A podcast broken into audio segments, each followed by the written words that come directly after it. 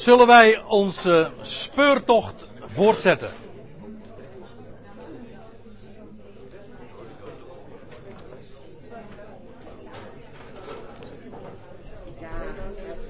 De deur is dicht.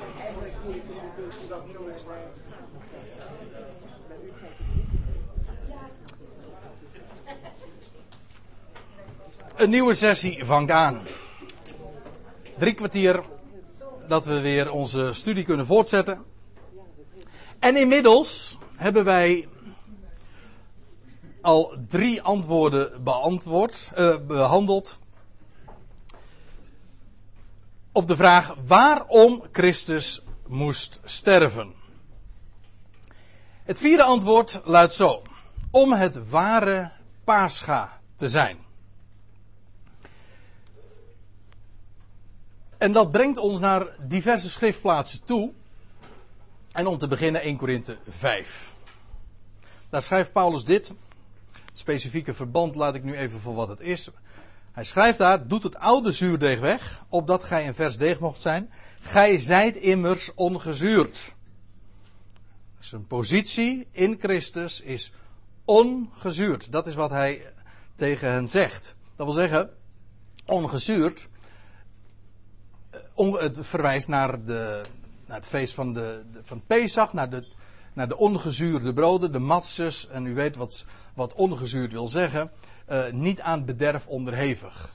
Een matse is, uh, is inderdaad ongezuurd. Het wordt niet zuur. Het, uh, het bederft niet. Het, wordt, het is niet vergankelijk en het spreekt daarom ook kan niet missen van het nieuwe leven dat aan het licht is gekomen bij de opstanding van Christus.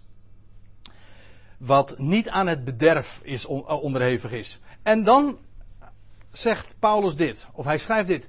Want ook ons paascha is geslacht. Dubbele punt, Christus.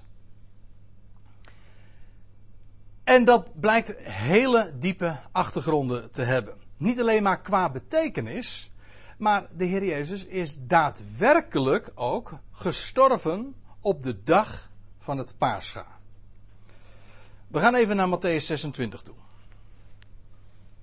Daar zegt de Heer Jezus tegen zijn discipelen: Gij weet dat het over twee dagen het paasfeest is. Letterlijk staat er Paascha.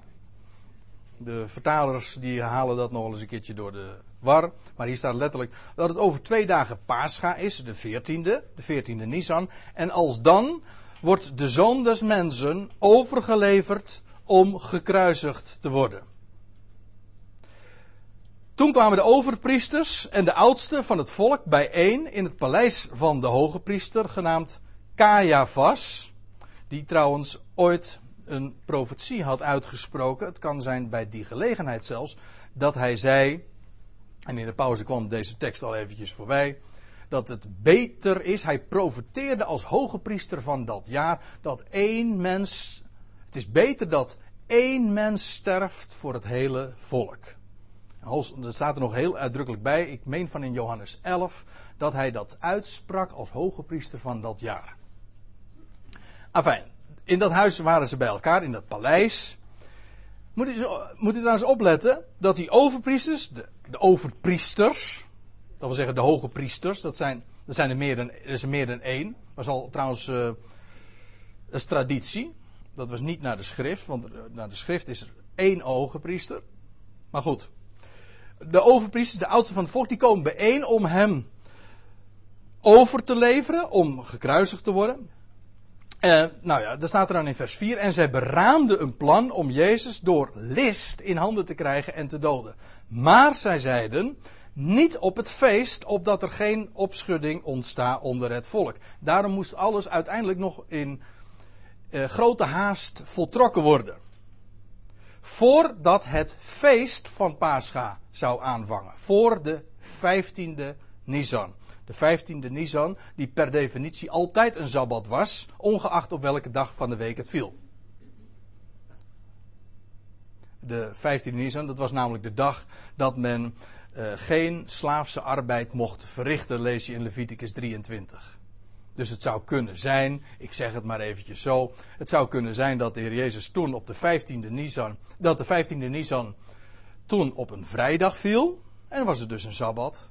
En werd vervolgens gevolgd door opnieuw een Sabbat, namelijk de wekelijkse Sabbat. Zodat je twee Sabbatten achter elkaar had. Dat zou zomaar kunnen. Het was ook zo namelijk. Ja. Maar voordat dat plaatsvond, voor het feest moest Jezus al gekruist worden. En ik zei u al, voor het feest van Pascha, dus dat is de dag van het Pascha, de dag dat het lam geslacht moest worden. Dat is dus de 14e Nisan. U kunt het allemaal lezen in Exodus 12, Leviticus 23. Er zijn heel wat schriftplaatsen die daarover gaan. Voordat het feest plaatsvond, moest hij al geslacht zijn, moest hij al overgeleverd zijn, moest hij al uh, gedood zijn. Dat was hun plan. Dat wil zeggen, de plannen, het plan van de priesters en de oudsten van het volk. De, de priesters die in wezen geroepen waren om het lam, om de offers te slachten en te offeren. Zij doen precies wat ze moesten doen. Namelijk op de dag dat het paascha was. Dat het lam geslacht moest worden. Hebben zij daadwerkelijk het lam geslacht? Exact zoals geschreven stond. In onwetendheid hebben zij het gedaan. Want zij al de politieke of wat voor reden je nog meer zou kunnen bedenken. Om het juist zo te beslissen. Niet op het feest, opdat er geen opschudding onder het volk ontstaat. Maar ze wilden het voor die tijd al geregeld hebben en in kannen en kruiken hebben. Dat hebben ze gedaan. En daarmee hebben ze exact vervuld wat er stond geschreven. Zelfs op het uur nauwkeurig.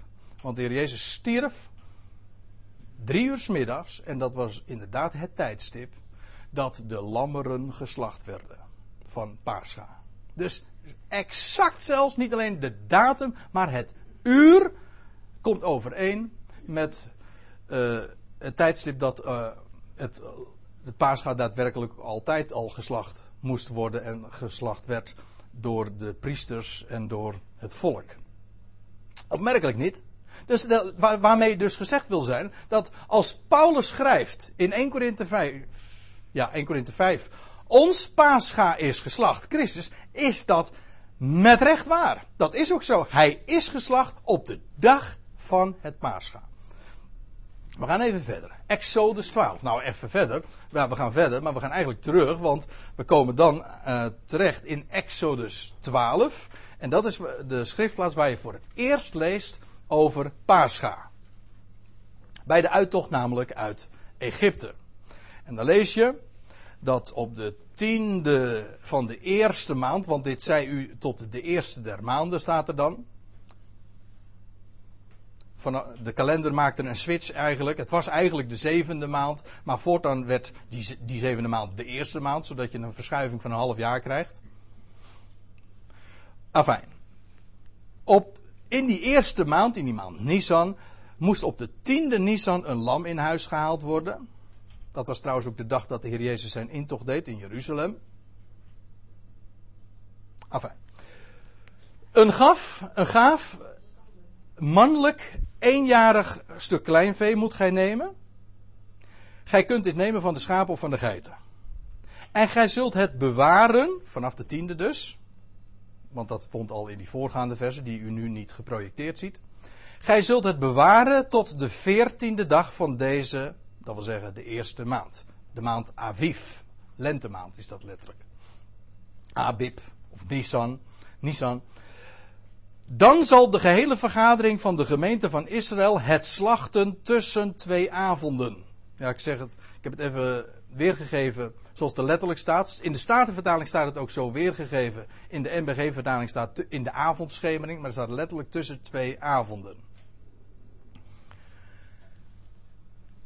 Want het is namelijk zo dat een Joodse kalenderdag verloopt van avond tot avond in verband met de datering ook van de kruisiging van de Heer Jezus en zijn opstanding, want er zijn nogal wat chronologische vragen aan verbonden, waar we ons vandaag niet mee gaan bezighouden, maar is dit gegeven heel belangrijk.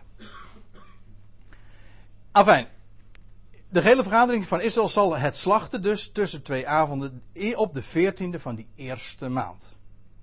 Vervolgens, een paar versen later staat er, zal men van het bloed nemen en dit strijken aan de beide deurposten en de bovendorpel, dus aan de zijkanten en aan de bovenkant, aan die huizen waarin men eet, waarin men het eet. Vers 13 dan, een stuk uh, verder nog, en het bloed zal u dienen, het bloed namelijk van dat lam dat geslacht was, zal u dienen als een teken aan de huizen waar gij zijt. En wanneer ik het bloed zie, dan ga ik u voorbij. En dan weten we meteen waarom het Pascha heet. Want Pascha, dat betekent namelijk gewoon voorbijgaan. Of zoals ik ooit van mijn Joodse en Israëlische collega hoorde, jaren geleden, weet je dat Pascha eigenlijk niet voorbijgaan betekende, maar eigenlijk overspringen. Hij kon het weten, want Hebreeuws was zijn moedertaal. Overspringen is het. Denk aan het woord spring. Springen. Lente, nieuw leven. Goed. Dan ga ik u voorbij. Dat is Pascha. Al dus zal er geen verdervende plaag onder u zijn wanneer ik het land Egypte sla. De verderfengel lees je, ging voorbij. De dood ging voorbij. Ja, letterlijk. Ging voorbij. Passeerde. Want laat ik dan eventjes daar nog wat nader op ingaan. Kijk, als daar een, dat bloed gesmeerd wordt aan de bovendorpel en aan de posten van de deur, van die opening. Want een deur in de, in de Bijbel is, is, niet, is niet die plank voor het gat, maar het is gewoon de opening zelf. Dat is de deur. De opening. Pascha, in, in het Engels is het wel, wel grappig, daar is Passover. Dat is inderdaad precies de betekenis. Passeren namelijk. Of, ja, ons woordje Pasen komt daar ook vandaan. Of een paas. Hè. In het, ik bedoel, een, een voetballer die maakt een paas. Hè, die, maar die gaat daarmee dus over een heleboel spelers heen. En dan komt hij terecht waar hij terecht zou moeten komen dan. Hè? Als, het, als het goed gaat allemaal. Dat is een paas. Maar ons woord passeren heeft daar ook mee te maken. Het heeft allemaal te maken met voorbijgaan of overspringen. Maar dat is precies dus ook wat er bij Pascha plaatsvond. Pasen wil zeggen inderdaad voorbijgaan, overspringen. Maar wat passeert? Wel in wezen de dood. Ik ga uw lieden voorbij. het, het ganse land Egypte werd geslagen. Maar, dat, maar die, die huizen van de Israëlieten waar de deuren besprengd waren met bloed. Daar ging de dood voorbij. Als ik het bloed zie, dan zal ik uw lieden voorbij gaan. Dus de dood passeert. Waarom? Op grond van het zien van het bloed. Zie daar de kern van het evangelie. De dood wordt ge, de dood passeert. Dat is het. De dood passeert. En in wezen de mensen, die, die deur werd gewoon een deur van hoop. En die, dat, dat bloed, die bloedstorting, die stond ervoor garant dat zij, over, dat zij overleefden. Zij hadden het leven en ze werden niet getroffen door de dood vanwege dat lam dat geslacht was. En in dat verband kun je inderdaad gewoon gebruiken plaatsvervangend. Ik, eh, ik, heb, ik heb een beetje moeite met het woord omdat er theologisch nogal wat ballast aan vast zit. Maar in een bepaalde zin kun je het woord natuurlijk wel degelijk gewoon gebruiken. Dat lam stierf, dat lam was geslacht. En wat er gebeurde, of wat er aan de hand was. De uh, God zegt: Als ik dat bloed zie, dan ga ik voorbij. Voor hen is het leven. Dat wil zeggen, de dood ging voorbij op grond van bloedstorting. Ik moet dan meteen denken, toch ook wat er staat in 2 Korinthe 5. Later in, op deze dag zullen we daar ook nog over spreken komen. Maar daar zegt, de daar zegt de apostel Paulus, zo is dan, wie in Christus is. De naam van, de, de titel van de opgestane. God heeft hem gemaakt tot Christus, juist door zijn opstanding. Zo is dan wie in Christus is. De eersteling van een nieuwe schepping. Een nieuwe schepping. Het oude is gepasseerd. Voorbij gegaan. Zie, het nieuwe is gekomen. Dat is Pascha. De dood is voorbij. Al het oude. Alles wat met het oude te maken heeft. De zonde, de dood, de ziekte, het verderf. Alles. ook dat zuurdezem. Bederf. Dat vergankelijkheid. Het wordt gepasseerd. En God brengt iets nieuws aan het licht. En dat doet hij in de weg van de bloedstorting. Dat is waar het eigenlijk over gaat. Vandaar ook dat Paulus eerder in deze verse ook gezegd heeft. Wij zijn tot het inzicht gekomen. Één voor allen is gestorven.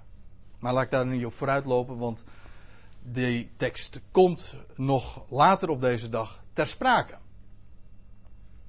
Dat is Pascha. Volgende antwoord. Waarom moest Christus sterven? Antwoord 5. Om zich ten schuldoffer te stellen. Waar heb ik die uitdrukking aan ontleend? Aan Jesaja 53. Uiteraard moet dat schriftgedeelte bij uitstek vandaag ook besproken worden, want dat is een heel centraal gedeelte. Onder de profeet is dus geen schriftplaats te vinden waarin zo expliciet gesproken wordt over al het lijden dat over de Christus zou komen. En trouwens ook over de heerlijkheid en de heerlijkheden daarna. Dat, ook dat komt in, aan de orde in Jesaja 53.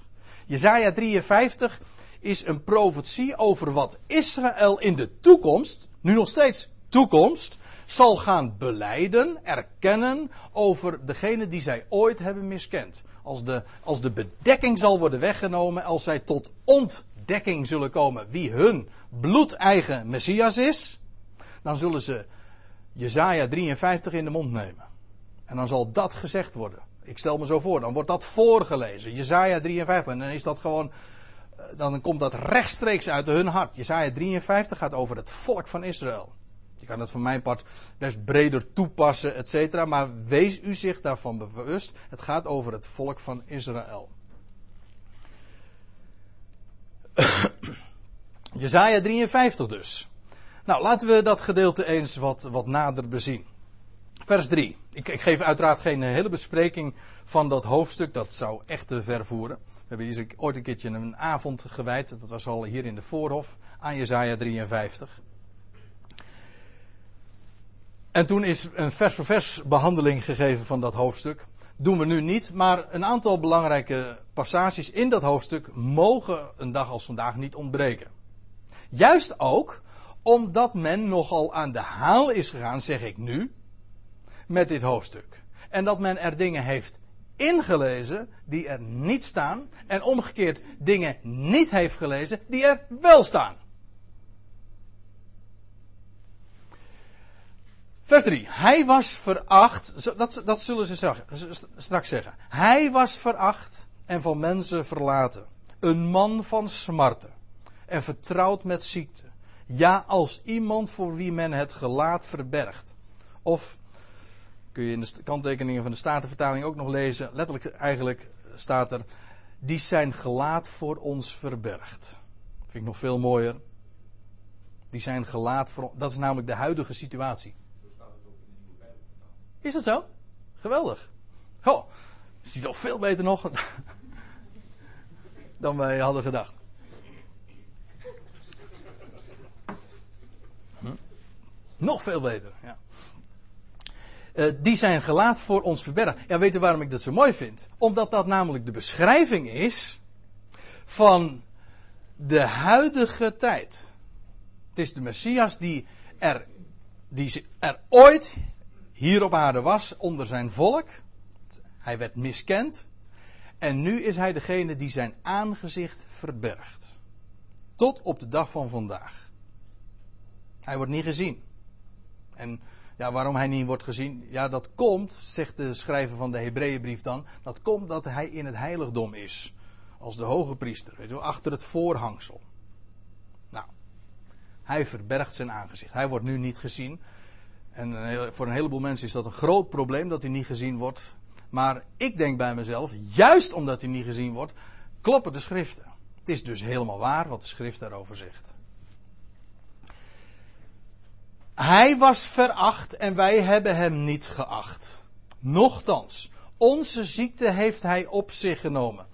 Als u ehm, een Bijbel hebt met eh, schriftverwijzingen, dan zult u zien dat dit gedeelte, ja, dit Bijbelgedeelte, Jezaja 53, wordt, nou, ik heb het niet nageteld, maar ik maak me sterk tientallen keren aangehaald Of in ieder geval impliciete verwijzingen vinden we in het Nieuwe Testament daar naar dat hoofdstuk. Heel veel.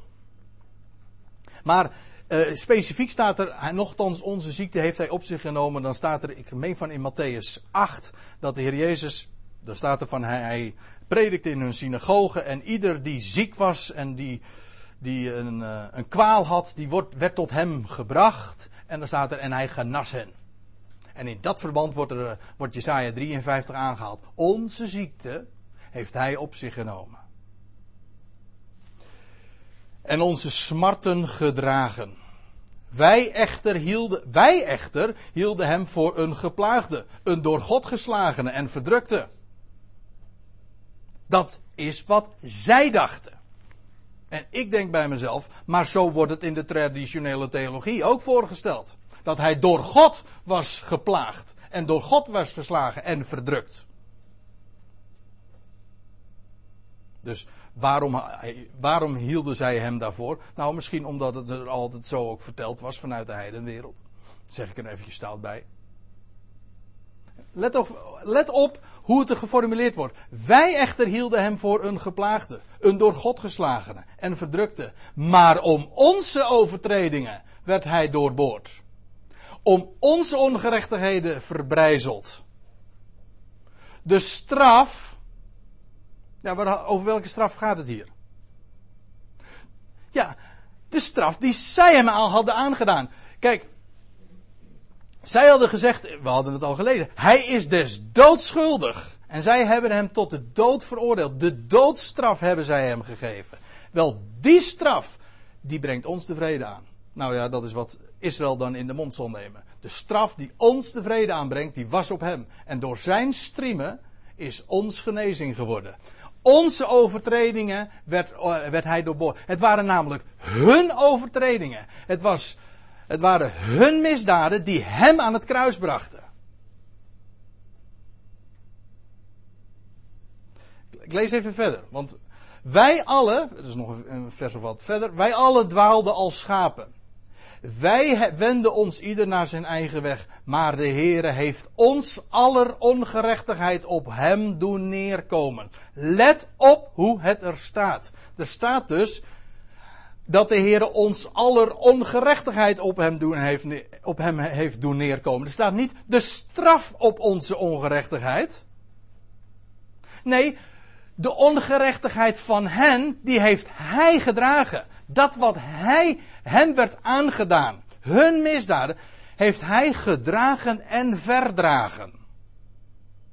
En de straf die en het oordeel dat zij over hem uitspraken, dat heeft hij gedragen. Dat waren hun ongerechtigheden die op hem aanliepen. Ziet u? Er staat dus niet de straf op, de Godstraf op onze ongerechtigheden. Nee, het was hun straf. Kijk, uh, ja, om onze overtredingen. Het waren hun overtredingen die hem doorboorden. Het, waren hun, het was hun ongerechtigheid dat hem verbrijzelde. En het was hun straf die zij hem aandeden, waardoor de vrede aan hen zal toekomen. Dat is waar, want het verhaal heeft uiteraard een vervolg. Maar dat, dat is wat wij weten, maar dat staat ook al in Jezaja 53. We lezen even verder.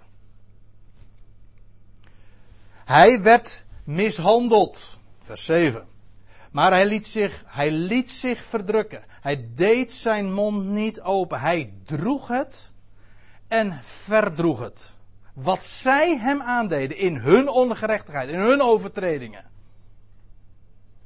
Want ik zei al, het is de meest ultieme schuld en zonde die ooit is begaan in de geschiedenis van de mensheid. Toen God het beste wat hij gaf, aan zijn volk zo miskend werd en dat wij hem aan het kruis hebben genageld. Maar hij liet zich verdrukken, hij deed zijn mond niet open, als een lam dat ter slachting geleid wordt. Ja, de connectie met uh, Exodus 12, met het paascha, die ligt zo voor het oprapen. Als een lam dat ter slachting geleid wordt. En als een, als een schaap dat stom is voor zijn scheerders. Zo deed hij zijn mond niet open. Het is gewoon een plaatje van wat we in de evangelie lezen. Zoals de Heer Jezus het lijden heeft ondergaan. Wat men hem, men hem heeft aangedaan. En hij heeft zijn mond niet open gedaan. Hij heeft niet gesproken. Hij heeft niet gescholden. Hij heeft het overgegeven, zegt later de apostel Petrus in zijn brief. Hij heeft het overgegeven aan hem die rechtvaardig oordeelt. Maar hij droeg het. Hij verdroeg het. Om de overtreding van mijn volk is de straf op hem geweest. Ja, het was hun overtreding. Dat de plaag op hem kwam. Dat was hun overtreding. Dat was hun ongerechtigheid die hem aan het kruis bracht. Toch? Maar staat er dan in vers 10: Het behaagde de Heere hem te verbrijzelen. Kijk, hier heb je precies wat je ook in het Nieuwe Testament ook leest. Het was God die zijn zoon overgaf. Ik, ik moet nog eventjes wijzen op een, die schriftplaats die we ook hier dus al lazen. Ik heb er even niet op geattendeerd, maar in vers 6 van Jezaja 53. Daar staat dus al hier, de Heere, de Heere heeft ons aller ongerechtigheid op hem doen neerkomen. Dat wil zeggen, het was hun ongerechtigheid die op hem terecht kwam. En de Heere heeft dat allemaal zo gelaten. Hij heeft hem daartoe overgegeven. Het was God die zijn zoon overgaf aan zijn haters. Zo zegt de lied het ook. Hè? God gaf hem over aan zijn haters. Zo is het inderdaad ook. En dan, en dat is dus precies in overeenstemming met wat we in vers 10 vinden. Het behaagde de Heer hem te verbreiden. Het volk was het die hem verbrijzelde. Jawel, maar het was de Heer die hem daartoe overgaf. Hij maakte hem ziek. Letterlijk staat er, de Concordant Version geeft het ook zo weer. Uh, hij maakte hem gewond. Uiteraard was het het volk dat hem gewond uh, maakte, dat hem al die wonden aandeed. Dat is waar. Maar het was de Heere die hem daartoe overgaf. Let op, vers 6, uh, nee vers 10 in het vervolg. Wanneer hij zichzelf, letterlijk staat er zijn ziel. Statenvertaling geeft het ook zo weer. Wanneer hij zich, zijn ziel, en u weet hè, de ziel is in het bloed, ja. Wanneer hij zijn ziel, zijn, zijn bloed, ten schuldoffer gesteld zal hebben, zal hij nakomelingen, letterlijk zal hij zaad zien.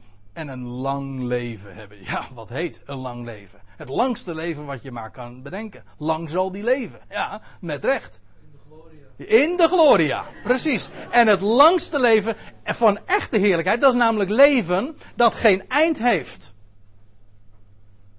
En hij, inderdaad, als hij zichzelf gesteld zal hebben tot schuldoffer, hij wordt geslacht. Hij droeg hun schuld. Hij droeg, er staat niet, hij droeg de straf op hun schuld. Met onze bagage, de theologische bagage waar we mee groot geworden zijn, is, ja, hij droeg de straf op onze schuld. Dat staat er niet. Hij droeg de schuld van het volk. Dat wat men hem aandeed, droeg hij en verdroeg hij. Dat was hun schuld. Niet Gods straf. Dat zijn, in, zijn dingen die men inleest. En wij automatisch ook inlezen, omdat we met zulke uh, denkbeelden, omdat met uh, dat gedachtegoed ook groot zijn geworden. En daarom komen we gewoon ook bij elkaar om. Is dat zo? Staat dat er ook? Er, staat, wordt niet gesproken over de straf op zijn schuld. Hij heeft de schuld van het volk gedragen. En daardoor werd hij geslacht. Het was hun schuld. Maar God heeft dat alles daartoe ook ja, gearrangeerd, geregisseerd. Hij heeft hem daartoe overgegeven. Want staat er, wanneer hij zichzelf ten schuld overgesteld zal hebben, zal hij zaad zien, vrucht zien. Ik kom daar straks nog op terug. Dan zal hij zaad zien en een lang leven hebben. Het langste leven wat je maar kan denken.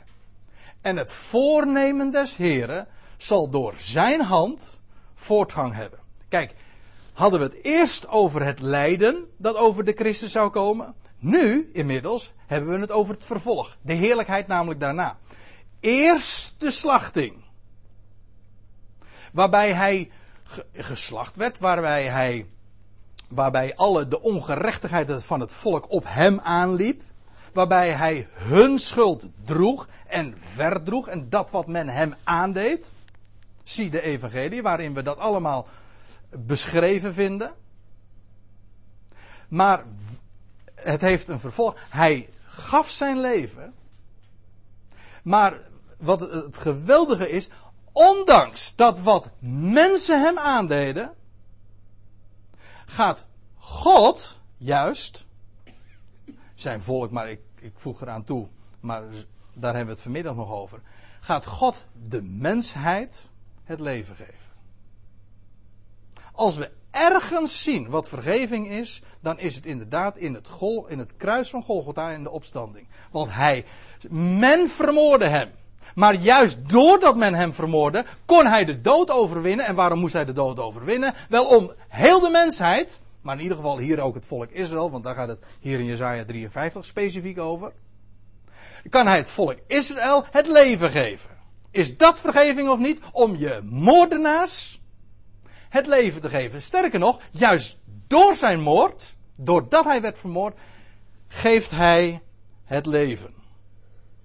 En uh, overwint hij de dood. Is dat vergeving of niet? Is dat liefde? Tegen die achtergrond versta je dit ook. En ik wil, we komen daar nog later over te spreken, dus ik laat het nu even voor wat het is. Maar let er ook op dat hier staat.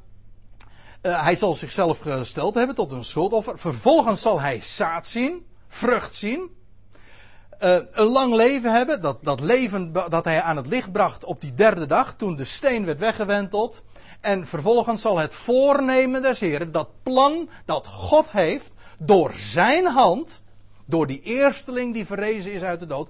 Die ooit de man van smarten was. Het voornemen des Heren zal door zijn hand voortgang hebben. Succes hebben. Zal met succes uh, worden voortgezet. Ja. En voltooid. Ja. Want dat staat er in vers 11 nog achteraan. Hè? Om zijn moeitevol lijden zal hij het zien. Hij, die man, ooit die man van smarten. Maar die vervolgens, nadat hij geslacht is, vervolgens een lang leven ziet. En zaad ziet, vrucht ziet. Ja, maar om zijn moeitevol lijden zal hij het zien tot verzadiging toe. Zo'n geweldig vers. Want weet u wat hier staat? Hier staat dat hij leed en stierf. Niet voor niets. Nee, dat wat hij in zijn lijden op het oog had. Namelijk de redding der wereld. Hij kwam op aarde tot redding der wereld. Wel, hij zal verzadigd worden. Hij zal krijgen dat wat hij zich ten doel had gesteld. Om zijn moeite lijden zal hij het zien tot verzadiging toe zodat uiteindelijk hij precies dat zal hebben bereikt wat hem ooit voor ogen stond. En daarom heeft hij trouwens ook allemaal gedragen. Ook dat zal ik straks nog laten zien. Waarom hij het kruis gedragen heeft. Hoe hij, hoe hij dat allemaal heeft kunnen dragen. Hoe, hij, hoe het kon dat hij zijn mond niet opendeed. Wel, de heer, de heer keek verder. De heer, hij kende de schrift. Natuurlijk, hij heeft dat allemaal aan den lijve ervaren. Dat, hij, hij, was, hij was een van ons. Hij heeft vlees en bloed aangenomen. Hij heeft het als mens allemaal ondergaan. En, en die, die haat en die vijandschap, dat is in Gethsemane, nee, toen hij zich dat ervan bewust was van ja, wat er op die dag van het paascha allemaal zou gaan gebeuren. Die vijandschap, die, de, de, de ongerechtigheid van het volk, dat zo op hem zou afkomen. Hij heeft dat er, zo pijnlijk ervaren. Maar hij heeft het ervaren. Hij wist wat er ging gebeuren. Hij had, ook, hij had het al voorzegd. Het was geen verrassing. En omdat hij wist dat daar een enorme vreugde voor lag, daarom heeft hij het ook gedragen. Om zijn moeitevol lijden zal hij het zien tot verzadiging toe. Ik wijs er nu alleen nog even uh, bij herhaling op dat, er, dat we iedere keer hier dus niet lezen dat hij de straf voor hun ongerechtigheid, Gods straf voor hun ongerechtigheid heeft gedragen. Gods straf is hier niet aan de orde. En als je het er wel in, als je zegt van het is er wel aan de orde, moet je het er eerst inlezen. Dus dan moet je eerst dat idee, zeg maar, hebben om het er vervolgens in te voeren. Maar dat is, geen, dat is niet bijbellezen, dat is inlezen. Dat is projectie noemen ze dat.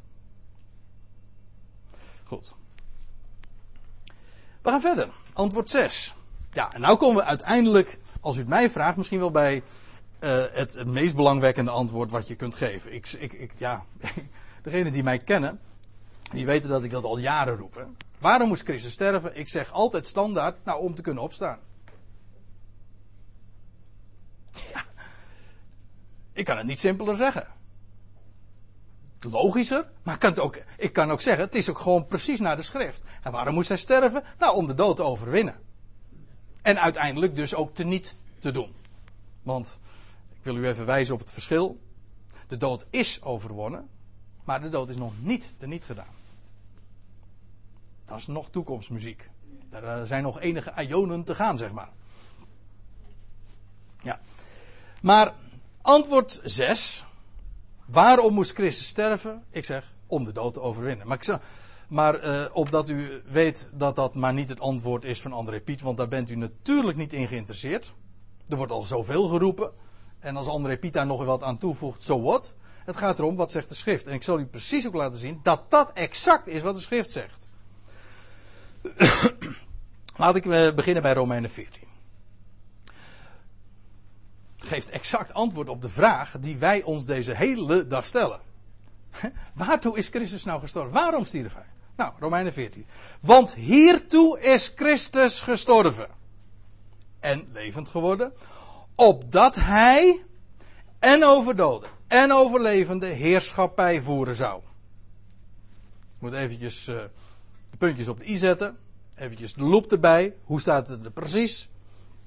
En dan staat er letterlijk opdat hij van doden en levenden Heer zou zijn. Daarom.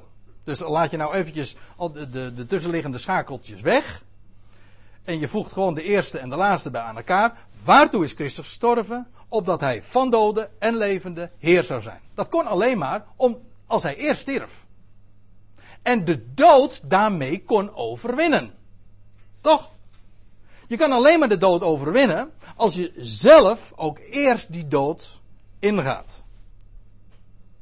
En ook hij, uh, ging, hij stierf ook. En hij bracht als eerste, dat wordt ook nogal benadrukt, als eerste bracht hij het leven aan het licht. Opdat hij dus met recht ook de eerste zou zijn, de first, de vorst, de eersteling, ja zou zijn.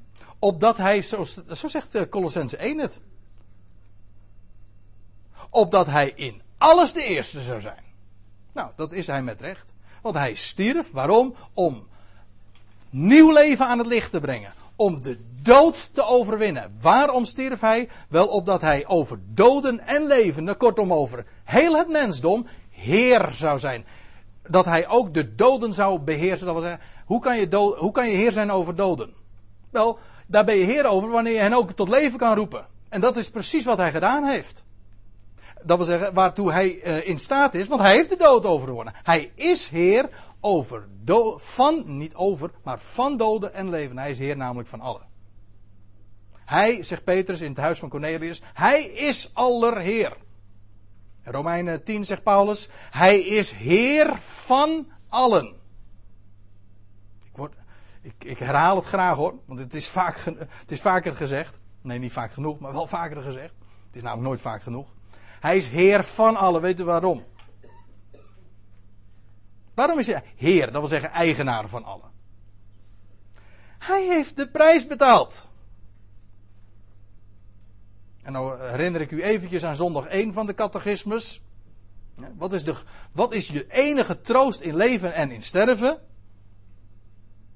Nou, het antwoord komt hierop neer dat ik het eigendom mij weet van mijn getrouwe zaligmaker van Christus Jezus. Dat ik weet dat ik het eigendom ben van Christus Jezus. Wie is het eigendom van Christus Jezus? Nou, gewoon wie hij, voor wie hij de prijs betaald heeft. Die hij inderdaad gekocht heeft.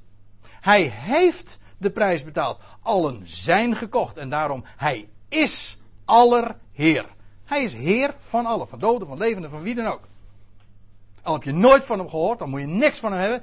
Hij is jouw Heer. Oftewel, je, hij is jouw eigenaar. Of anders, als het omkeert, jij bent zijn eigendom. Ze weten het niet. Nee, daarom vertellen we het natuurlijk ook. Ja, dat is toch precies waar we toe geroepen zijn. Ja, ze weten het niet. Nee, maar als nou niemand het vertelt, dan zullen ze het nooit in de weet komen ook. Ja, daarom moet het verteld worden. En, en dan is het zo tragisch dat degenen die geacht worden het te weten, het juist niet vertellen. Dat zijn, sterker nog, dat zijn de grootste bestrijders ervan. Ja, als ergens bestreden wordt dat Jezus de Heer van allen is en dat iedereen zijn eigendom is, ja, dan is het juist bij, de, bij het volkje, bij het volk, want er lopen er toch wel zo'n miljard rond hoor. Die, die christen zijn, die weet wie Christus is. Ja, maar waarom is hij nou gestorven? Nou, hiertoe is Christus gestorven, opdat hij over de, van doden en levenden de Heer zou zijn. U bent niet overtuigd? Oké, we gaan verder. 1 Thessalonica 5 gaat het over onze Heer Jezus Christus, die voor ons gestorven is, opdat, ziet u, hoe de, hoe de Bijbel ons zo tegemoet komt in onze vraag. We stellen een vraag, we stellen een hele Bijbelse vraag, maar ik vind het zo mooi dat op de vraag die wij stellen, zulke perfecte Bijbelse antwoorden bestaan. We hoeven daar niks voor te verzinnen.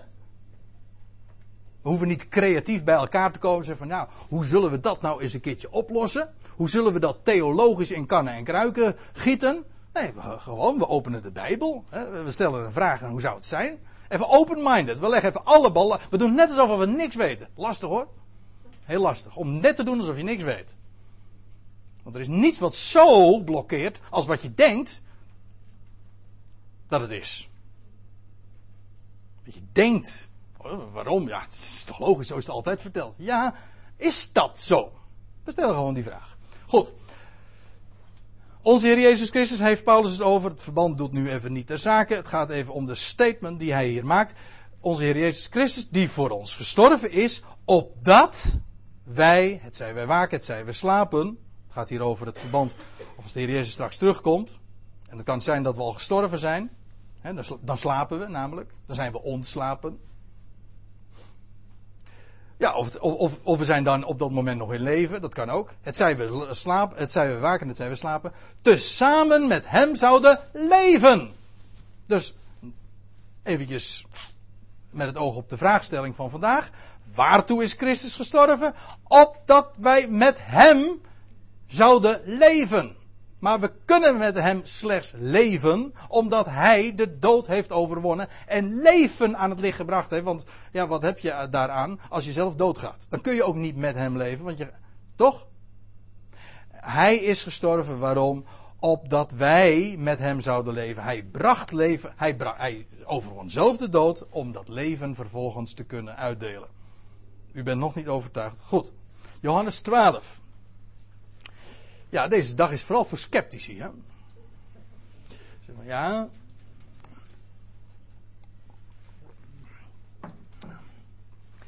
Eén schriftplaats is niet voldoende. Twee of drie getuigen zijn nodig om, opdat een zaak vaststaat. Hè? U weet, dat is een heel Bijbels principe. Dus we roepen allerlei getuigen bijeen. En die zijn er. Gelukkig in overvloed. Johannes 12 is een hele mooie. Een hele mooie. Het sluit eigenlijk ook aan op wat we al eerder zagen. In verband met Jesaja 53. Waar staat van dat hij, als hij zichzelf ten schuldoffer gesteld zal hebben. Dat wil zeggen de schuld gedragen zal hebben. Daarna zal hij zaad zien. Vrucht zien. Nou, daar gaat, Jezaja, daar gaat Johannes 12 over. Daar zegt Jezus, dit is vlak voorafgaand aan zijn lijden, aan zijn sterven, aan de dag van Pascha dus. Maar Jezus antwoordde en zeide, de uur, vlak voorafgaand trouwens ook aan, realiseer ik me nu, ter plekke, aan de gerstenoogst. Ja. Ja. Hij stond ook op, ook op als eersteling van de gerstenoogst. Jezus antwoordde hun en zeide, de uren is gekomen. Heb je hem weer. De uren is gekomen dat de zondersmensen moet verheerlijkt worden.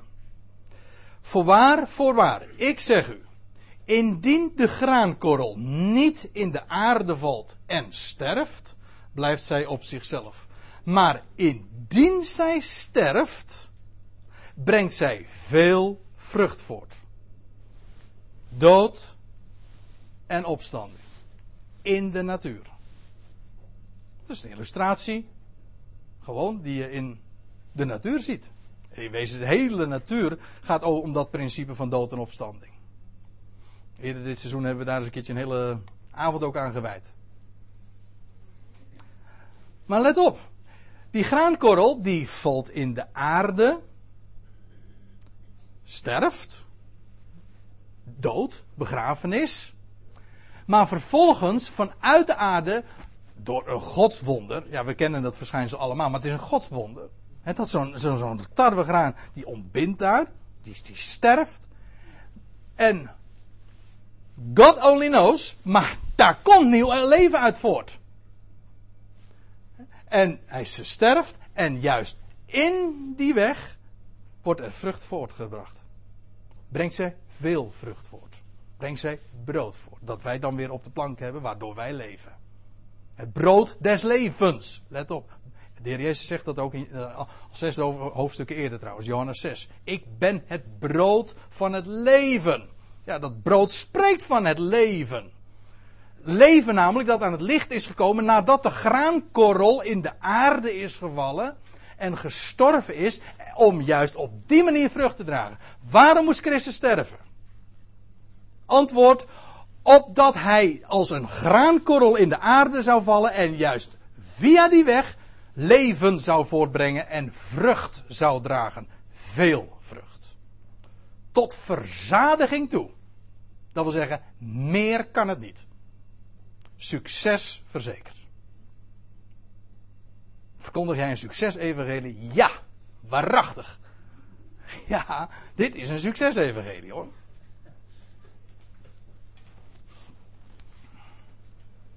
Daarom vind ik het ook een evangelie. Een evangelie waar, waar, waar, waarbij, uh, waarbij je eigenlijk alleen maar verteld wordt dat, dat God een loser is.